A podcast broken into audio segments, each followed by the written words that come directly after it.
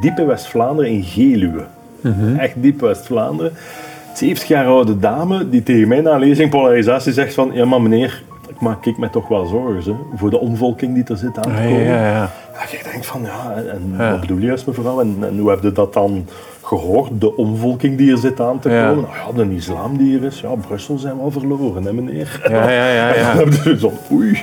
En Ja. dan merkt ook, als je dan vraagt naar diversiteit, ja, er is daar nul noppes diversiteit in Ja, ja. Natuurlijk. Hè. Maar dat iemand van 70 jaar ja, angstgedreven zoiets heeft van dat komt nabij, eh, ja, het Ja. komt naar de kust. Hè, was er komen hier vechten op ons strand in Blankenbergen en zo. En dat je wel voelt van ja, dat komt binnen. Hè. Je gaat zo meteen luisteren naar het gesprek dat ik heb gevoerd met Christophe Busch. Christophe was lang directeur van de Dossin-kazerne in Mechelen en is nu medeoprichter en ook directeur van het eh Hannah Arendt Instituut, ook in Mechelen. En eh, het was een heel, heel lang gesprek, maar het was zo lang omdat het echt enorm boeiend was ook. Wat, wat vond jij van het gesprek, Tom? Eh, ik moet veel denken aan die, zo die dooddoener die ze zeggen van eh, je moet je geschiedenis kennen om niet meer dezelfde fouten te maken. Ja. dat zo heel veel. Ehm, maar als, als je hem bezig hoort, dan voel je wel dat dat klopt. Niet omdat we bang moeten zijn van oh nee, de nazi's zijn daar weer of zo. Ja. Maar wel omdat er superveel subtiele, kleine gelijkenisjes zijn, vroeger en nu. En we kunnen daar Ja. superveel uit leren. Ja. En het is daarover dat ik toch heel veel heb bijgeleerd. Ja, de, geschiedenis herhaalt zich niet, maar ze rijmt wel. Ja, zoiets. Ja, cool. Ja, ja, ja. ja coole. Ja. Het is ook vet dat hij al... Hij zelf, ik vond dat echt heel schattig in de voorbereiding, las ik dat, dat hij op zijn 17 al in het Vrede- Vredeshuis in Gent presentaties gaf over de holocaust. Ja, om dan zo een paar decennia later Ja, ja, ja, de ja. Dossin-kazerne zo te mogen Een uitbouwen. nerd, hè, denk ik. Ja. een superboeiende... Een sympathieke nerd ook. Hè. Ja. Het belangrijkste dat jij hebt bijgeleerd? Het belangrijkste dat ik heb bijgeleerd. Ja, het is, het is erg, hè, maar ik denk altijd zo, zo alle clichés en spreuken en, en, en zo de, de tegeltjes bij je oma thuis boven de deur. Zo. Ja, ja, ja. Dat gaat vaak over zo het midden en de nuance en de twijfel en de... En Ja. dat, dat- en dat blijkt zo altijd te kloppen. Hoe ouder dat ik word, hoe meer dat blijkt dat zo die, die, Ja, ja. die algemeen aanvaarde waarheden zo, Ja. zo kloppen. En, en Christophe pleit voor dat midden. En het is, een heel, het is iets heel moeilijk om voor te pleiten. Dat, dat, dat, komt altijd wel, dat wordt altijd wel duidelijk als je, dat, Ja, ja. Als je zo mensen bezig hoort. Want het Ja. is niet sexy en, het, en je kunt het niet zo goed verkopen, maar het, is- het, is wel, het is wel waar de antwoorden of de oplossingen liggen. Ja. En ehm, ik denk dat als je hem een uur, een uur en een half de tijd geeft en ernaar luistert, dat er wel heel veel duidelijk wordt. Ja. Ja. Het is ook zo, dat, dat geeft hij ook zelf toe. Hè, dat, we hebben een wereldoorlogen gehad die maakte dat we een aantal dingen hebben beslist toen, Ja. zoals mensenrechten. Ja. En dan vandaag met die oorlogen die al wat lang geleden zijn, dat we precies opnieuw de argumenten moeten vinden. Ja. Om die, en hij heeft die meegebracht aan tafel. Ja, maar je moet dan al bijna heel die oorlogsgeschiedenis vertellen om dat argument te maken, wat super moeilijk is. Maar je doet dat wel goed.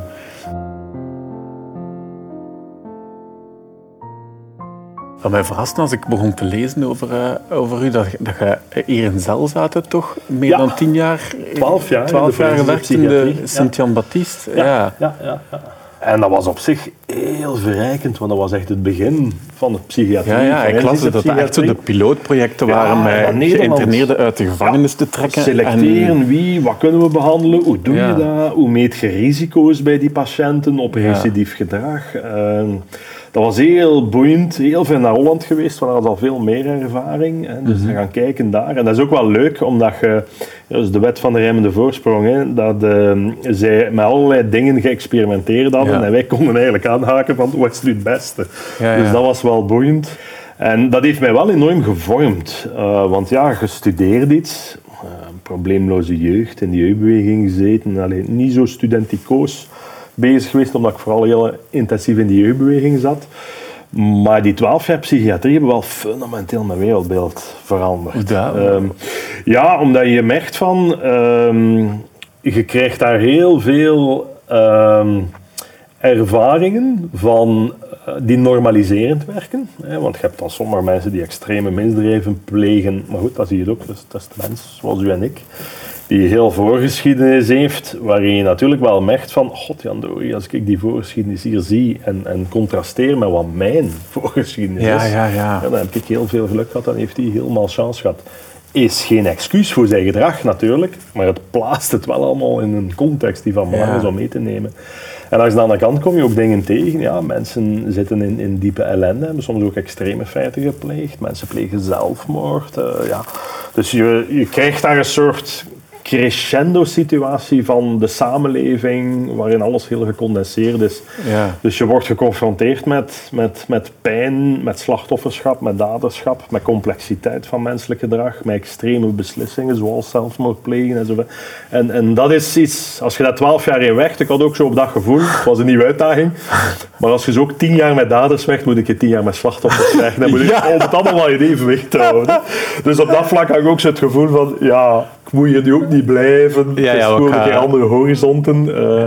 Wat denkt u dat het effect zou zijn als je te lang, met, als je te lang onder, de, Oh. onder de daders had gezeten? Ehm, wel ja, en ik ben natuurlijk al heel lange tijd met daderonderzoek bezig. En het ontegensprekelijke, ook bewezen effect is dat je een eh, te grote prosociale attitude naar daders krijgt omdat je ehm, bij daders, wat doet een criminoloog of wat doet een behandelaar? Je gaat natuurlijk, ja, zijn, zijn misdaad is het aanknopingspunt. En je gaat een criminogenese gaan opmaken van in de baarmoeder tot aan zijn delict. Wat is die man zijn levensgeschiedenis? Wat zijn opleiding? Letterlijk, is dat normale zwangerschap geweest? Of heeft hij zuurstoftekort gehad bij bevalling? Het zijn allemaal dingen die meespelen.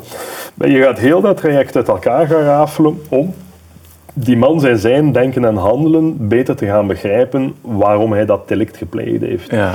En het feit dat je dat doet, zie je plotseling dat je sommige mensen hebt eh, die opgegroeid zijn als wolfskinderen. Die, die kindermisbruik, eh, slagen en die, die eh, allerlei abnormale leerprocessen hebben tegengekomen. Hè. Die survival of the fittest strategieën hebben moeten gaan doen, waarin we patiënten hebben van, die, die mij letterlijk zeiden, kan je een goede tip geven, altijd de eerste slag geven en best op de neus.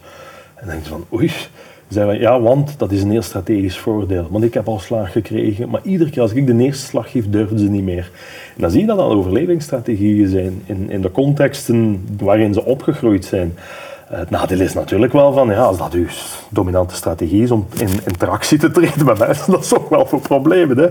Want dan komt hij de fliek af en dan denkt hij, ja, ik moet eerst zijn neus breken. Ja, dan komt er wel in de problemen natuurlijk. En dan gaan we praten. Ja, voilà, dus zo gaat dat natuurlijk niet.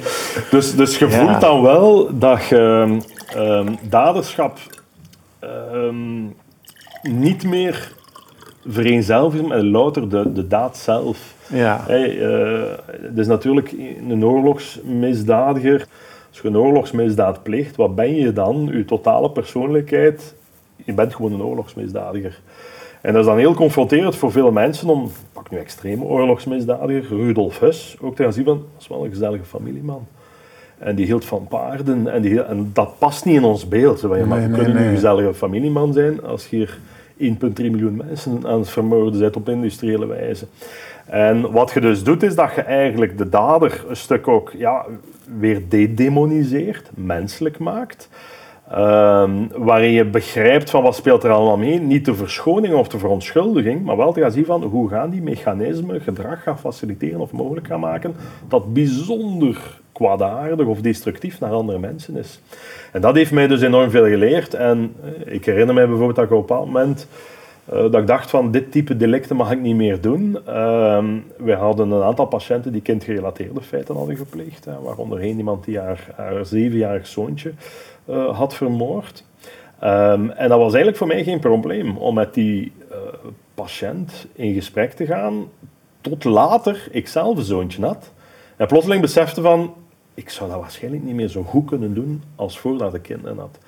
En het is dat besef dat van belang is van wat kan je wel, wat kan je niet. Uw context wijzigt ook. Je moest redelijk stabiel zelf in je schoenen staan Ja, om in de psychiatrie ja. te werken. Je moet daar niet gaan werken als je zelf allerlei uitdagingen hebt en zo verder, want dat is geen gezonde context natuurlijk.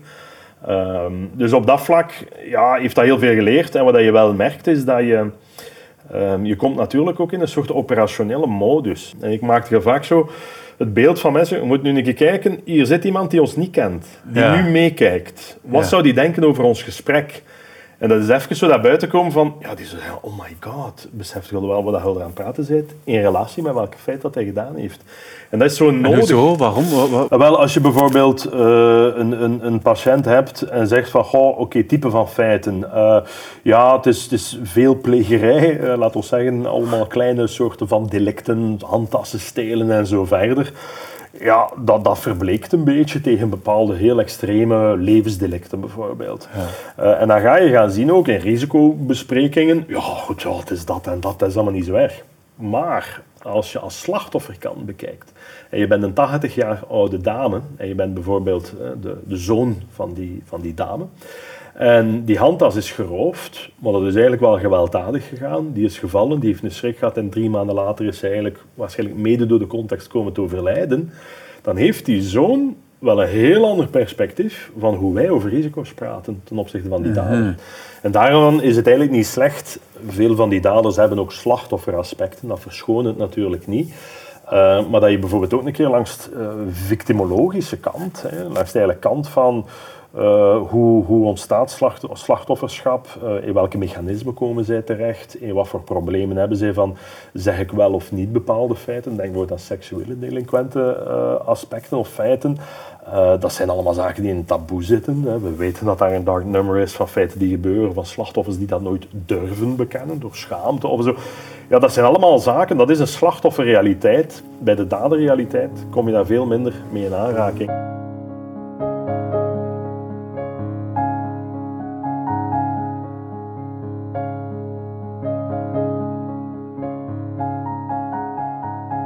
Ik moet denken aan er is een, ergens een woord, ik ken de exacte term niet meer, maar het is een, een daderpremie of zoiets. De premie voor... Premie voor delict. Voor delict, ja, ja. ja. Dat je zo eigenlijk mensen die in, in een psychiatrie bijvoorbeeld zwaarder van hun oren maken, diegenen ja. zijn die betere zorg ja, krijgen. Ja, en, en dat, dat zijn eigenlijk mechanismen die je uh, bijvoorbeeld ook in onze samenleving gaat zien op vlak van uh, polarisatie. Als je kijkt, waar gaan we heel veel aandacht en energie en tijd in investeren, zijn in de pushers of de roepers van polarisatie. Ja. Iemand zegt iets ongemeens toxisch polariserend, dat komt op Twitter. En dan is er een hele Twitter-storm die ontstaat. Na Twitter komt de dag daarna de krantenartikelen. Ja. En dan zijn we daar allemaal aandacht aan, aan het geven. Heel vaak aan wat niet het correcte onderwerp is. Wat iets is dat een, een heel negatieve framing vanuit een bepaald referentiekader is. Met als resultaat dat we aandacht aan het geven zijn aan een onderwerp waar het echt niet over gaat. Als ik een concreet voorbeeld mag geven. Um, er is uh, een aantal casussen al waarin er een, um, een vluchtelingencentrum of asielcentrum wordt uh, geïnstalleerd. En dan komen er betogingen van een aantal uh, extreemrechtse groeperingen, die dan affiches en zo verder, en eigenlijk daar de emotie komen opzwepen, waarin ze angst aanjagen van, herinner je Keulen, hè, weet je wel, nieuwjaarsavond, hè, Ja, ja. onze vrouwen die werden lastiggevallen, het komt naar hier. Hè, en wat gebeurt er natuurlijk? Men gaat angst gaan induceren in een soort anti-retoriek tegen dat asielcentrum dat daar uh, gaat komen. En men teert op de angsten, de onzekerheden die er al zijn. Waarom? Mensen weten niet, hoe moet ik dat begrijpen? Uh, ik heb een dochterke van, van 8, 9 jaar. Is dat veilig? Want, want ik woon een straat verder van dat asielcentrum en zo. Het zijn terechte vragen. Maar wat ga je gaan zien? Wat krijg je binnen van die extreme uh, groeperingen? Uh, men bouwt voort op die angst en iemand staat te brullen en toont dan foto's en daar. En dat zweept die angst op. En dan gaan we in een logische eerste reactie gaan antwoorden op dat narratief. Dan gaan we gaan zeggen, nee, dat klopt niet. En, en daar, en je mag niet keulen naar hier en zo. Maar wat je dan eigenlijk doet, is in het verhaal, in de framing van die pusher, van die roeper, mee gaan instappen. En wat je eigenlijk wel moet gaan doen, is het reële onderwerp gaan zoeken. En het reële onderwerp is die samenleving, die stad of gemeente, die die uitdaging krijgt om het asielcentrum te installeren. Wat zijn onwetendheden? Wat zijn bezorgdheden? Wat zijn angsten? Die allemaal legitiem zijn. Want we zijn bewoners van een bepaalde ruimte. En daar veranderen dingen in. En we moeten daar kunnen over dialogeren. Over Ja. uh, wat de echte problemen zijn. Wat ingebeelde problemen zijn. Wat en die dialoog moet aangaan. Dan merk je plotseling, ik heb zelfs zo aan een aantal kringgesprekken deelgenomen, als je plotseling mensen uit die gemeente samenzet. En daar zit één iemand uit Syrië die gevlucht is uit die regio. En die ene moeder zegt, ik heb eigenlijk schrik voor wat er hier gebeurt. Want ik zie op televisie wat er in Syrië en Irak zich aan het voltrekken is. Ik wil niet dat dat naar hier komt en nu is het in Zavend en Maalbeek ontploft. Ja, wel, ik hoef dit allemaal niet. Hè. Voor mij mag het allemaal naar buiten gaan. Letterlijk, hè. asiel en migratie mag buiten onze grenzen ergens een oplossing vinden. Waarop uiteindelijk die dame daarnaast zegt van, ik voel mij beschaamd. Want ik ben van Syrië. Ik weet dat beeld dat jullie over Syrië hebben, hè, zoals van Syrië, dat dat eigenlijk dramatisch is. Hè. Dat dat uh, vereenzelvigd wordt met geweld, met vernietiging. Maar ik ken Syrië als een prachtig land. Als een land waar ik heel graag weer terug naartoe wil gaan, omdat ik wil gaan opbouwen.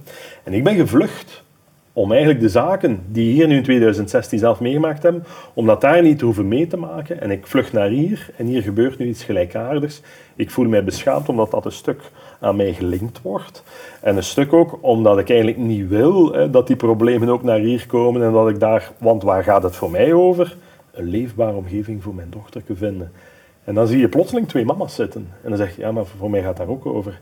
En dan krijg je natuurlijk ja, de contacthypothese, die ene uh, moeder die dan zegt van, ah ja, en waar woon je dan? En, en vertel een keer over En dan begint plotseling die echte ja. verbinding te groeien.